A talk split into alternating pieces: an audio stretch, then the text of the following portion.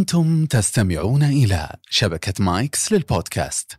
يا هلا وسهلا ومرحبا فيكم. معكم محمد الشيباني وإحنا نتكلم اليوم من جناية. اتساقا مع حملة وطن بلا مخدرات. كواجب علي كصانع محتوى وبرضو كفرد من أفراد المجتمع أنه نتكلم عن هذا الموضوع الخطير جدا اللي يمسني كشخص قبل ما يمسني كمحلل أو حتى كصانع محتوى. لكن قبل ما نبدأ على هذه الحلقة أتمنى كفرد من المجتمع أنك تشارك وتشاركين هذه الحلقة كواجب مجتمع عليك كابن أو بنت أو أخ أو أخت أو زميل أو زميلة أو حتى كأب أو أم مع أكبر عدد ممكن من محيطك علشان نقدر نكمل هذه الرسالة المجتمعية. وقبل ما نبدأ بعد فضلا لا أمرا تشتركون معنا في قناة مايكس إذا ما كنتم مشتركين. عشان توصلكم جديد فيديوهات مايكس وبرامجها كما تفعلون زر الجرس. خلونا الآن نبدأ ونتكلم في التفاصيل مهمة جدا وراح يكون معنا ضيف مختص في معالجة الإدمان. لكن قبل كل حاجة بتكلم معكم من ناحية خلينا نتكلم إنها سلوكية أكثر من أنها علاجية. خلينا نتكلم اليوم كنا جالسين في في في مكان واحد في صالة واحدة الموضوع فعلا. يمسنا كلنا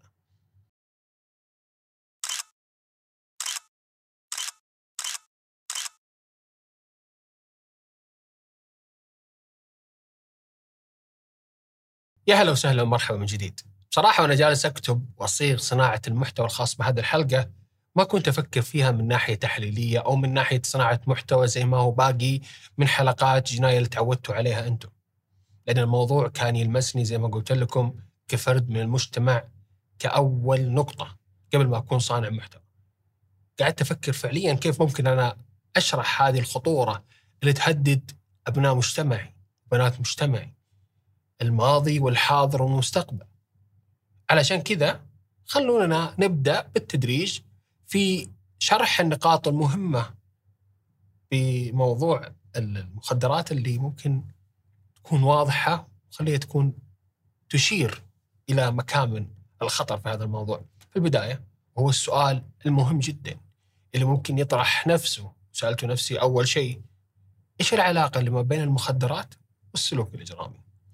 خلونا نشرح هذا المثال بالتدريج ونضرب أول شيء المثال الأساسي والفكرة الأساسية والحقيقية واللي هي تتكلم عن المجرم ونوعه. في عندنا مجرم تفضيلي أي مجرم يقوم بنوع محدد من الجرائم وأكثر من جريمة ويكون عنده نمط خاص في ضحاياه أو الأشياء اللي يسرقها أو الأشياء اللي يعتدي عليها. تمام؟ هذا النوع الأول. النوع الثاني وهو المجرم الموقفي وهذا المجرم الذي يقوم باستغلال الفرصة ويكون لديه استعداد الوظيفي. يعني مثلا واحد خلي السيارة شغالة ونزل لسوبر ماركت أو لصيدلية ومر هذا المجرم وحصل السيارة هذه في وضعية التشغيل سرقها ومشى. كل الحالتين هي جريمة.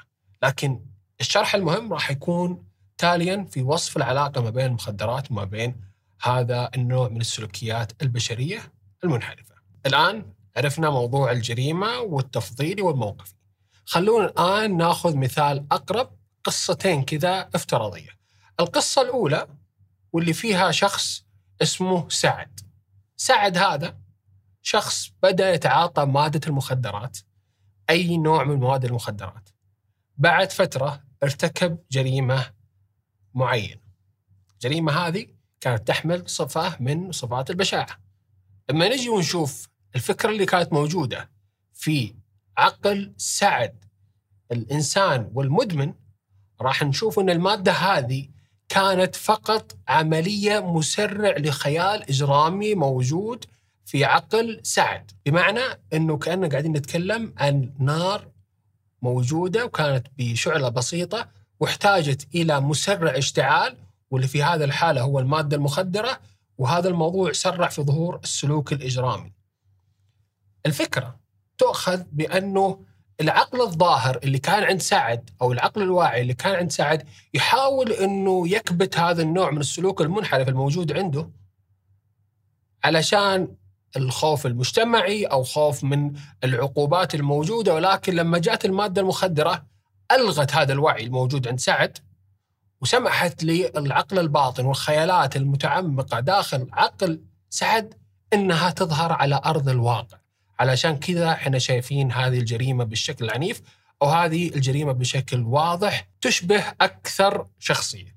يمكن خلنا أوضح لكم إياها بمثال أقرب ويمكن هذه القضية أغلبنا سمع عنها وهزت الوطن العربي مو بس هزت مصر ومدينة الإسماعيلية في 1 نوفمبر 2021 وفي صباح ذاك اليوم الناس كانوا رايحين وجايين واللي رايح يشتري فطور واللي جاي من دوامه واللي طالع الدوام واللي رايح للمدرسة. الحياة كانت طبيعية جدا في ذاك الحي إلين ما قرر مجرم أنه يهاجم على شخص راكب مركبة تروسيكل أو توك توك ما أدري بالضبط شو اسمها بس هي مركبة تكون آه يعني أشبه بالدراجة النارية. هاجم عليه وبعد كذا قام بقتله وفصل رأسه عن جسده والمشي بالرأس في داخل شوارع الحي وترديد بعض الجمل الغير مفهومة. أمرت النيابة المصرية بسرعة ضبط هذا المجرم وإحالته للمحاكمة. وبعد ما تم التحقيق معه والكشف عن ماضيه تبين أن هذا المجرم كان يتعاطى مادة الشبو طيب إيش علاقته بمثال سعد؟ خلينا نتكلم بشكل واضح بأنه هذا المجرم كان لديه هذا النوع من الغضب الداخلي تجاه مجتمعه الأمر اللي بدأ يظهر مع التعاطي المستمر لمادة الشبو اللي فعل بسرعة هذا النوع من العدوانية اللي خلاه يشوف له القدرة وله الإمكانية وله الصلاحية في معاقبة هذا النوع من الأشخاص حتى لو ما كان بينهم علاقة هذه نقطة جدا مهمة. أنا سامعك الآن تقول طيب هذا الكلام إذا كان عنده خيال إجرامي. طيب آه ممكن نجي شخص ثاني ويعني يستخدم المادة وما يكون عنده ذا الشيء. الآن نروح للقصه رقم اثنين واللي هي راح تكون مثال توضيحي لا أكثر ولا أقل وافتراضي. عندنا الآن شخصين. شخص اسمه أحمد وشخص اسمه فهد أحمد هذا يعني في في في مادة أو في حالة مادية واجتماعية ممتازة وأعلى من المتوسطة. وفهد حالته متوسطة وأقل. الاثنين ما عندهم نفس الفكرة اللي كانت موجودة عند سعد. يعني أشخاص طبيعيين والاثنين ظنوا ومفتكرين في فكرة في بالهم إنه والله آه أنا أقدر أسيطر على إدماني وما راح أصير زي مجرم الإسماعيلية وما راح أسوي أي شيء لا هي بس حبة باخذها أو باخذ مثلا عقار معين أو باخذ آه، مادة محددة وما راح أزود في هذا الموضوع لأن أقدر أسيطر عليه. للأسف هذا كله كلام غير منطقي، ليش؟ لأنه الاثنين باختلاف المعيشة اللي هم فيها باختلاف الضغوطات اللي هم فيها باختلاف سبب الاستخدام باختلاف الأشياء الكثيرة جدا عندهم مشكلة. ألا وهي الاستمرار في الإدمان. خلونا نسمع المختص الأستاذ خالد وش يقول في هذا الموضوع. يمكن سمعنا اللي ولع في العائلة كلها سمعنا اللي قتل أمه سمعنا أشياء كثيرة وصل إلى مرحلة من العنف والعدائية آه، وانفصل عن الواقع وارتكب جريمة، فنعم في علاقة آه، ما بين الجريمة وتعاطي المخدرات، طبعا زي ما قلت إنه في أنواع كثيرة تسبب المسألة هذه. الموضوع الثاني أيضا إنه كثير من الأشخاص اللي يدخلون في تعاطي المخدرات يحتاج إلى تمويل هالتعاطي يحتاج إلى المال. فالكثير يكون عرضة إنه يدخل في الجريمة للحصول على المال اللي ممكن يساعده آه، في الحصول على هالمخدر. ويصل إلى مرحلة من المراحل إنه لا يستطيع السيطرة على الموضوع. يعني أكيد ما يسرق وهو يتمنى إنه يسرق. ما يرتكب جريمة وهو يتمنى إنه يرتكب الجريمة هذه. يبدأ في المنزل للأسف. يعني الناس اللي يصلون إلى مرحلة من الإدمان يبدأ في المنزل اختفاء بعض الأشياء الثمينة المجوهرات الأجهزة ليش يبيعها. ولكن آه، قد يعني آه، يصل إلى مرحلة خلاص يتحول الجريمة إلى خارج المنزل. لكن فعلا حقيقة قليل إنه ما يكون في ارتباط ما بين تعاطي المخدرات والجريمة قد يكون نادر إنه أحد يتعاطى و... ويكون عنده المال والجاه والأملاك اللي تساعده على التعاطي لكن اجلا أو عاجلا أساسا سيفقد هالمال. وحتى لو المال كان أكثر من أن يفقده عشان ما يلجأ القري... للجريمة آه، في مرحلة متقدمة سيفقد عقله. و... واساسا ممكن وهو فاقد عقله أيضا يرتكب جريمة لأنه يبدأ ردات فعله ومعتقداته ومنظوره للأشياء تختلف يعني يشك في الناس اللي تطالع فيه يشك في الناس اللي تتكلم معاه يعتقد إنه هم يضمروا يضمرون له آه، شر أو حاجة زي كذا فايضا قد يرتكب جريمة بناء على هذه الأشياء. ممتاز، هذا الموضوع من ناحية المعالج وما قصر ضيفنا في شرح هذه النقاط. بس خلونا نجي كذا نوضحها ونبسطها بشكل أكثر. الموضوع بيكون تصاعدي. يعني حبة. الحبة تجيب سجاره سجاره تجيب إبرة. وبعد كذا تنتهي القصة. ما في شيء اسمه أنا أقدر أسيطر على الموضوع. هي فقط خدعة يقودها عقلك عليك. ما في شيء اسمه تسيطر على الموضوع. حتى هذه النقطة والاتساق فيها مع السلوك الإجرامي يكون تصاعدي بمعنى أنه أحمد وفهد الاثنين كلهم نقول مثلا أدمنوا على مادة معينة يعني راح يدفعهم إلى ارتكاب الجرائم. الفلوس اللي عند أحمد مصير حتخلص وراح يضطر إنه يسرق أو يعتدي أو يقتل أو يختطف. أو يسلب. وخلي القوس مفتوح. نفس الفكرة عند فهد. الاحتياج المادي راح يدفعه لهذا النوع من الجرائم. وركزوا إنه بالتصاعدية بدأت الجرائم يعني يعني تدخل في سلوك هذا الشخص.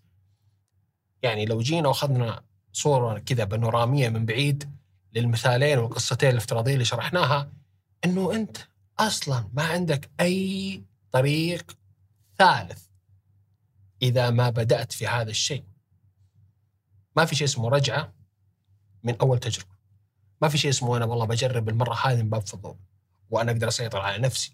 ما في شيء اسمه آه لا أنا ما عندي سلوكيات منحرفة من الأساس فموضوعي سهل.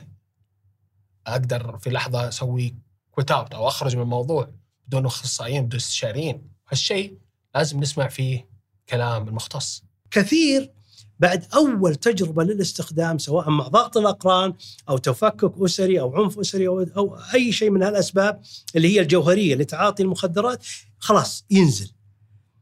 يعني إحنا نمثلها بال roller coaster اللي هي الأفعوانية هذه اللي بالملاهي okay؟ لأنها تمشي والبعض يوقف يقول لا لا نزلني خلاص ما عاد أبغى أكمل لأنه فعلا هو ماشي بالقطار هذا في الأفعوانية فجأة يهبط بدرجة يعني ما ما كان تصورها. فالاستخدام يكون العربة ماشي في خط مستقيم اللي نسميه استخدام أو العربة رقم واحد. الهبوط هذا معناته هو اتجه للعربة رقم اثنين. بدل ما هو استخدام أصبح سوء استخدام.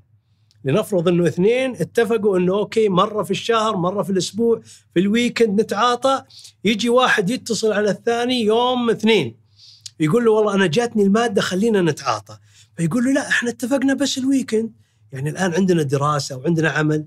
يعني لا تخرب الاتفاقية. إذا هذاك استمر لا زال في, في, في, في الاستخدام وإذا حصل على التوعية ممكن يتوقف. هذا انتقل يعني نزل المنحدر بالعربة إلى عربة رقم اثنين وصار عنده سوء استخدام. misuse abuse okay سوء الاستخدام للأسف خلاص. هو فعلا في دحديرة. نزل بالعربة هذه للأسف يصبح عنده يدور في حلقة مفرغة. يصبح عنده مشاكل مالية. يصبح عنده مشاكل زوجية، مشاكل اجتماعية، مشاكل مالية، مشاكل قانونية، قد يعمل حادث، قد يتواجد في مكان. آه، أكبر مشكلة في العربة رقم اثنين إنه يصبح عنده مشاكل لا يستطيع مناقشتها. مثلا أبوه يقول له وش سيارتك؟ يقول له والله سيارتي BM، وش لونها؟ سيارتي سوداء.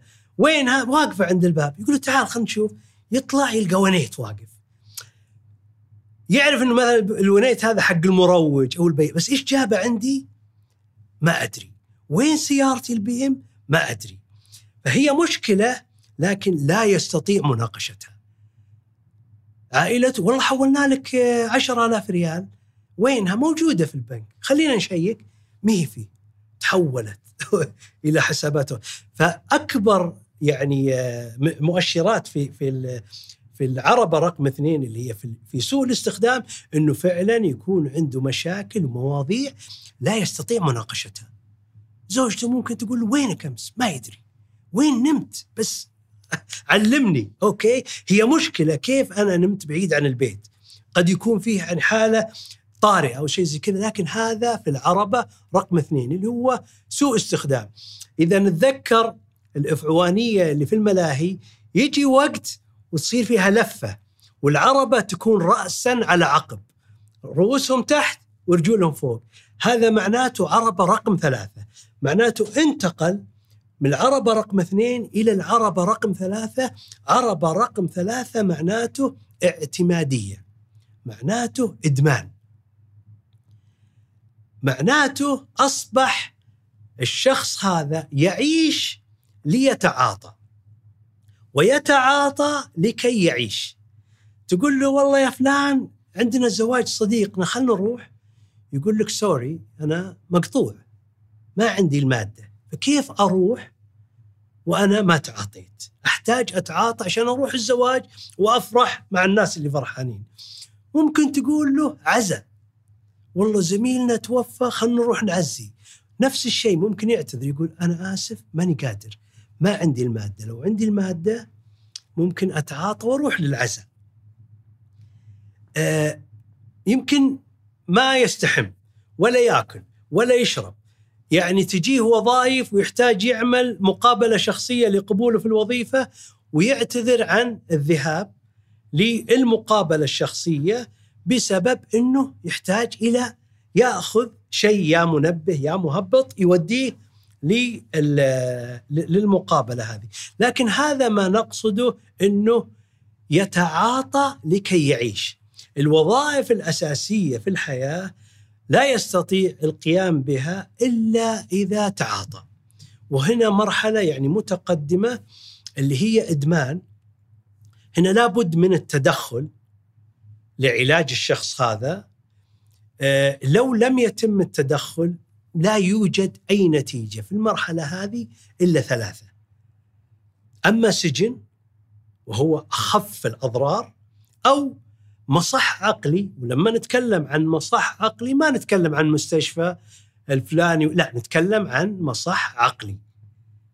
اللي هو الناس في المصح هذا ما يدرون إنه هذا كرسي ولا هذا لمبة ولا أنا عصفور ولا أنا إنسان. okay هذا الخيار الثاني له إذا هو استمر في العربة رقم ثلاثة. أو آه وللأسف يحصل كثير القبر. إنه يموت overdose يتعاطى جرعة تقتله. لأنه زي ما قلنا التعثر جسمانيا نبضات القلب الأوعية الدموية الضغط أشياء كثيرة في الجسم تتأثر طبعا الكبد الجهاز التنفسي الكلى أشياء كثيرة يعني آه، تتأثر من التعاطي. فللأسف إذا استمر في العربة رقم ثلاثة لن ينجو.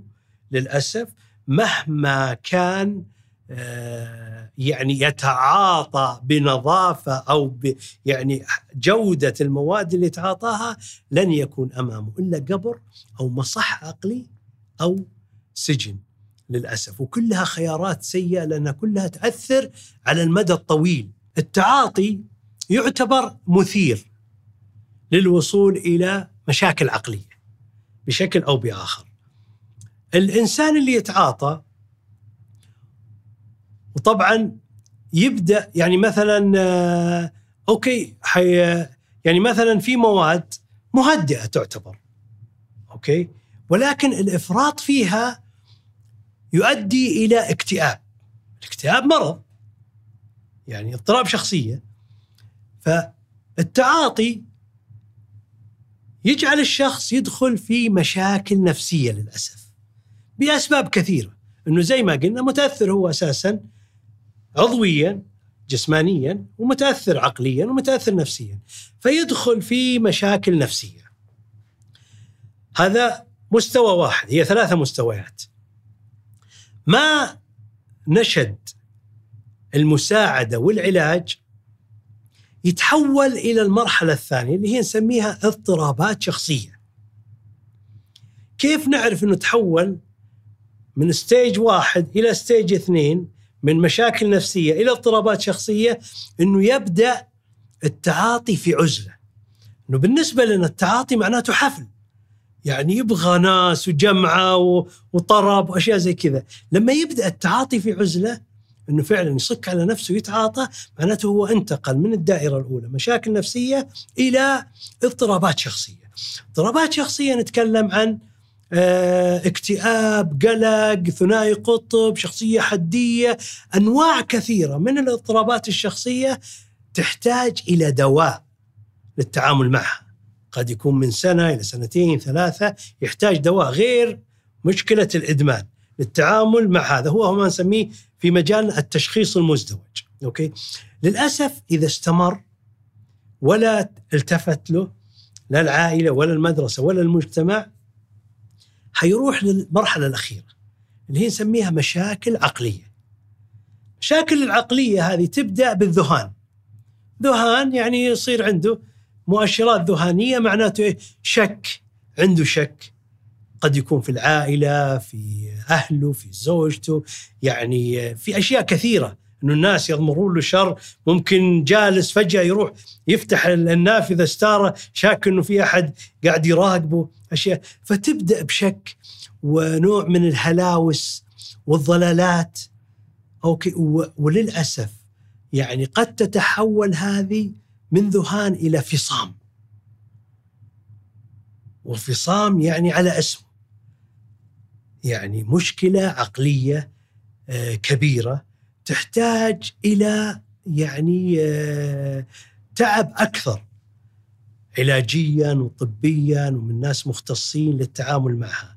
فهذا للأسف هو الطريق اللي قاعدين نشوفه في اضطراب سوء استخدام العقاقير. مشاكل نفسية، اضطرابات شخصية ومن ثم إلى مشاكل عقلية ياثر عليه على الشخص وتنصدم إنه يصبح شخص ما هو الشخص اللي انت تعرفه. يعني يمكن زمان حتى نوعية المخدرات الآن بحكم إنه أصبح تصنيعها يعني في أماكن لا لا, لا تصلح للتصنيع. لأنه الناس هذولا ممكن يروحون في خيمة في أي مكان ويعملون معمل ويصنعون هالمخدرات لأنه أصبحت مصنعة زي الشبو زي حتى بعض الحبوب المنبهات زي الكبتاجون. زمان يعني كان الواحد على أساس ينتقل من مشاكل نفسية إلى مشاكل عقلية يأخذ سنوات أربع وخمس سنوات. الآن للأسف هناك مواد تنقله من 1 إلى 3 يمكن بشهر. زي مادة الشبو. تجلس مع شخص يعني لا زال بعقله وممكن تجلس معه بعد 30 40 يوم وهو خلاص بدأ يدخل في الهلاوس في الضلالات في الشكوك يعني في أشياء تعرف إنه يعني انتقل بشكل سريع بسبب سوء التصنيع للأشياء هذه اللي تم تصنيعها في معامل يعني محلية. أنا أقدر. أنا عندي إرادة. وهذه من المسائل اللي يعني في مسائل الإدمان ما لها أي مكان. الإرادة. لابد إن ينتقل من I أنا إلى we نحن. we نتكلم عن معالجين عن أطباء عن مختصين. ما أتوقع تتعطل السيارة وتروح توقف عند البقالة وتقول للعامل روح صلح سيارتي. ما راح يقدر يسويها. هذا إنسان تبع دليفري يودي أشياء ويجيبها okay؟ فنفس الشيء لما نتكلم وي أو نحن إنه ينتقل من أنا إلى نحن معناته يعطي الموضوع للمختصين للمعالجين. معالجة الموضوع هذا ليست سهلة وتحتاج إلى عدة أشياء. من ضمنها فريق علاجي متكامل. ولما نتكلم عن فريق علاجي متكامل معناته لابد يكون هناك طبيب نفسي يقابل الشخص هذا للمسألة الدوائية. لأنه معظم ال- المدمنين عندهم تشخيص مزدوج. بالإضافة إلى مشكلة الإدمان اللي هي اسمها العلمي في ال DSM 5 آه، اضطراب سوء استخدام العقاقير أي إدمان. فبالإضافة إلى اضطراب سوء استخدام العقاقير يكون عندهم مشكلة ثانية. آه، زي قد يكون ثنائي قطب قد يكون اكتئاب قد يكون قلق قد يكون أصبح شخصية حدية أصيب باضطراب الشخصية الحدية. ففيه أشياء أخرى قد تدل إنه هذا الشخص مشخص تشخيص مزدوج. بالإضافة إلى مشكلته الرئيسية اللي هو الإدمان عنده مشكلة أخرى اضطراب من نوع ما. فللأسف يعني آه، هذا يحتاج إلى طبيب نفسي. الطبيب النفسي يستطيع من الأعراض والمقابلة الدافعية مع هالمريض يعرف إيش الدواء اللي يحتاج إنه يشخص له. ومع هذا لا نتوقف هنا. لابد يتحول الموضوع إلى الأخصائية أو الأخصائي النفسي. ليش؟ لأنه الأخصائي أو الأخصائية النفسية يستطيع عمل مقاييس واختبارات عن الاكتئاب عن القلق عن أشياء كثيرة لمساعدة الطبيب في الدواء اللي وصفه. ولا نتوقف عند هالحد. لا. بعد كذا يجي أخصائية أو أخصائي اجتماعي. الأخصائية الاجتماعية تعمل في المسائل القانونية والعائلية والعملية المشاكل الأخرى اللي آه، يعني يعتبر مصاب فيها الشخص مع أنها قد تكون اجتماعية وشيء زي كذا. من الصعب إنه شخص مثلا كان في مكان وارتكب في المكان هذا جريمة. نتكلم عن موضوع قانوني ووجد نفسه في البيت. بس ما يدري إيش اللي صار بالجريمة هذه ولا يبغى يسأل عنها. فتكون كابسة على حياته أوكي يتمنى يتعافى بس دائما الهاجس هذا موجود عنده. البعض قد يرتكب حادث بالسيارة ويكمل طريقه okay. كل هذه مسائل قانونية وأشياء مسائل عائلية مثلا. والله زوجته وابنائه تركوه إن- انتقلوا ما يدري وين مكانهم okay؟ آه، مسائل عملية مسائل مالية ديون أشياء زي كذا. هذه كلها يعني عندنا الأخصائية أو الأخصائي الاجتماعي لابد من أن يعمل مع هالشخص اللي يرغب في التعافي عليها بالإضافة طبعا إلى المرشد الديني إلى مرشد التعافي، مرشد التعافي جدا مهم، مرشد التعافي هو شخص مرت عليه تجربة الإدمان وتعافى. بعد تعافيه لعدة سنوات أربع خمس سنوات حصل على تعليم النولج المعارف يعني درس مثلا اللي موجود عندنا في العالم العربي الدبلوم الدولي للتعامل مع السلوكيات الإدمانية. ف يعني تعافى عدة سنوات خلينا نقول خمس سنوات وحصل على الدبلوم هذا اللي مدته ستة شهور إلى سنة وخذ برامج أخرى قد يكون ماتريكس أو علاج جدلي سلوكي أو علاج معرفي سلوكي حاجة أخرى مقابلات دافعية وأصبح عنده القدرة إنه يساعد الشخص. فهذا أيضا جزء مهم لأنه وجدنا إنه مهما كان الطبيب أو الأخصائي النفسي أو الأخصائية الاجتماعية أو المرشد الديني يعني جيدين وماهرين في مجالهم آه يمكن الشخص الوحيد اللي يثق فيه اللي يبغى يتعافى ويعرف إنه قاعد يتكلم نفس اللغة هو مرشد التعافي اللي هو مدمن سابق متعافي. إيه؟ فالفريق العمل المتكامل مهم. البعض يقول له خلاص أنا بروح للطبيب وأخذ دواء وينتهي الموضوع. ما راح ينجح. زي ما سمعنا كلام أستاذ خالد في موضوع ال- المسؤولية وفريق الطبي وفريق العلاجي موال طويل جدا. يعني أنت لا قدر الله أو أنت لا قدر الله لما تخشون في هذه الدوامة الدوامة ما يمكن إيقافها عن طريق شخص واحد. الموضوع يشبه الرمال المتحركة. في ظاهرها هي رمال ولكن بمجرد ما تتورط فيها أو تتورطين فيها يصبح الأمر أكثر صعوبة وتكتشف إنه الأمر اللي دخلت فيه هو أكبر مما كنت تعتقد. شوفوا هذه النقطة بصراحه مني لكم وللمجتمع عموما وأنا أوصي نفسي فيها المقام الأول. ما في شيء اسمه أنا أتعاطى علشان عندي ضغوط. ما في شيء اسمه أنا أتعاطى علشان والله أقدر أذاكر. ما في شيء اسمه أنا أتعاطى عشان أهرب من الواقع المرير. هذا كله ضعف هذا كله أوهام هذه كلها أعذار غير منطقية مبررات غير حقيقية في المقام الأول خلونا نبعد عن كل اللي ذكرته بداية الحلقة المقام الأول أنت أو أنت أجرمت بحق نفسك حتى لو جربت لمرة واحدة.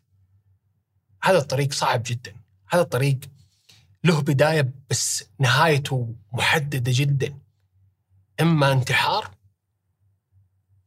ممكن يكون انتحار حتى بجرعة زايدة أو ممكن يكون بجريمة وانتهاء مستقبل. ضيفنا ذكر موضوع مهم جدا على نقاط الخسارة والمكاسب. المكسب قصير الأمد والمكسب طويل الأمد. خلونا نسمعه ونرجع. أبغاكم في سالفة مهمة جدا. خلونا نختم فيها حلقتنا اليوم وتكون فعلا هي رسالتنا ككل علشان يكون عندنا فعلا وطن بلا مخدرات. لابد أن نتساعد كأفراد مجتمع في هذا الموضوع. فللأسف إذا استمر في العربة رقم ثلاثة لن ينجو. للأسف مهما كان يعني يتعاطى بنظافة أو ب يعني جودة المواد اللي يتعاطاها لن يكون أمامه إلا قبر أو مصح عقلي أو سجن للأسف وكلها خيارات سيئة لأنها كلها تأثر على المدى الطويل. عندنا يعني في تأثيرات على المدى القصير وفي تأثيرات على المدى الطويل. الحين الإنسان معظمهم بضغط الأقران يتعاطى، ليش يتعاطى؟ آه، يقول أبغى أحصل على هالنشوة. أبغى أكون يجيني شجاعة. يجيني جراءة. آه، أشياء كثيرة بسبب أو نسيان موضوع معين أو إنه اللحظة هذه السعيدة أجعلها أكثر سعادة. فهم يتعاطون لأسباب ما okay لكن للأسف هذه الأسباب كلها short term مدى قصير كم بيقعد؟ ثمان ساعات؟ عشر ساعات هو في النشوة؟ يعني فعلا ما هي يعني على المدى الطويل. بينما إذا جينا للأشياء السلبية ال negative نجدها كلها long term مدى طويل. إن صار مشاكل عائلية مدى طويل. لو فقد زوجته ولا الإنسانة فقدت زوجها مدى طويل. لو كانت مشكلة قانونية مداها طويل. التفكك الأسري كلها مدى طويل. ما نسمع أنه والله اثنين تطلقوا مدة أربع ساعات. يعني ما في.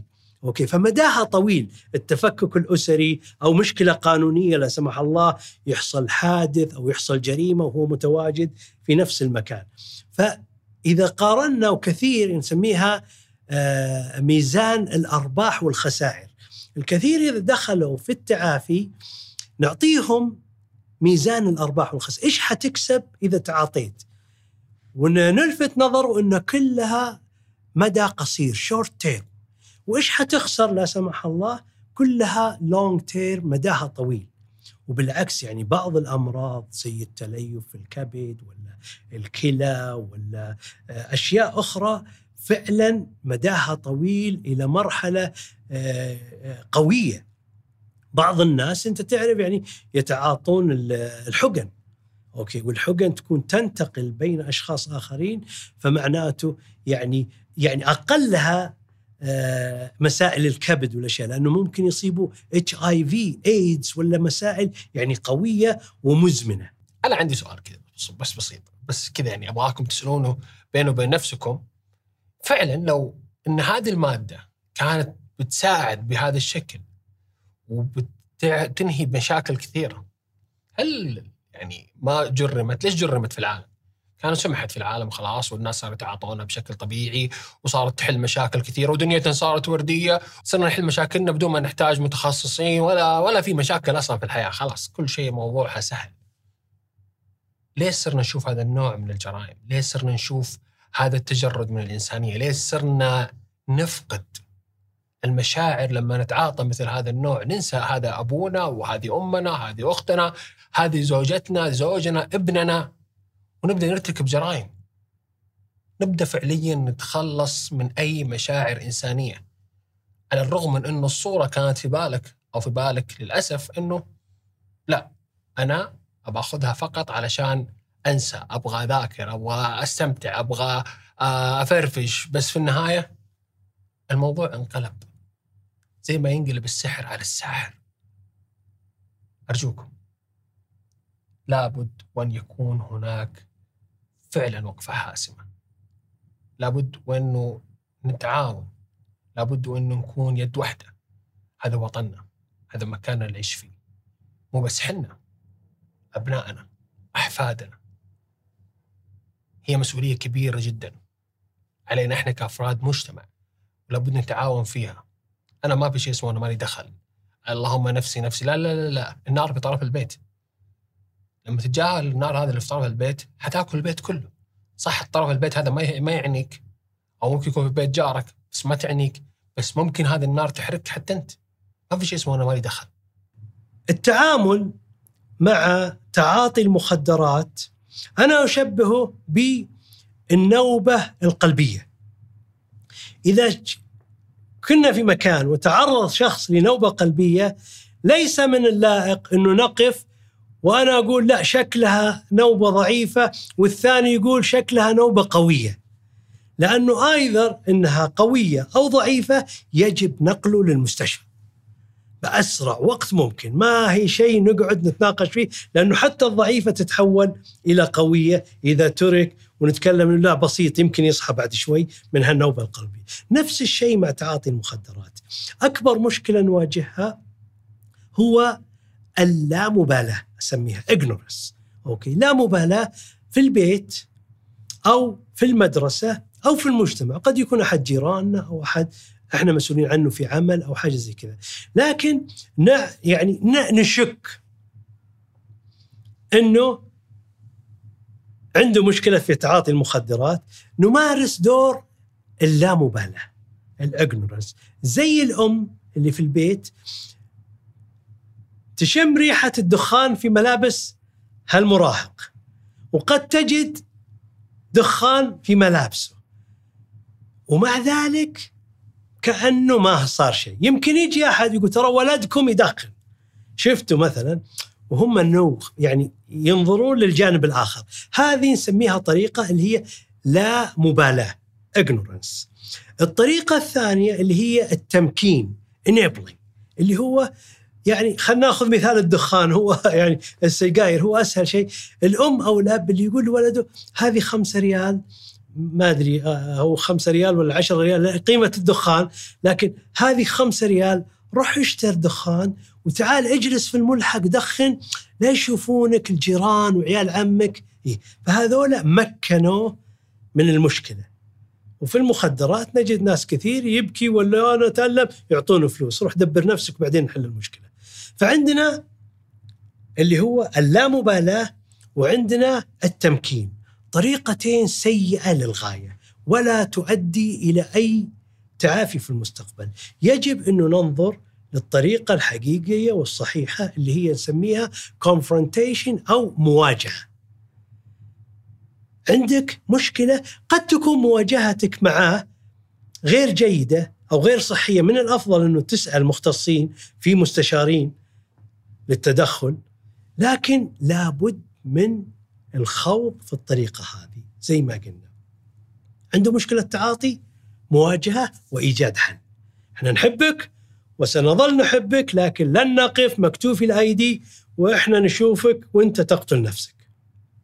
هذه رسالتنا كعائلة وهذه رسالتنا كمجتمع وهذا رسالتنا في المدرسة، لكن أتمنى كنصيحة للجميع هو المواجهة. دائما إذا عندنا مشكلة يجب أن نواجهها.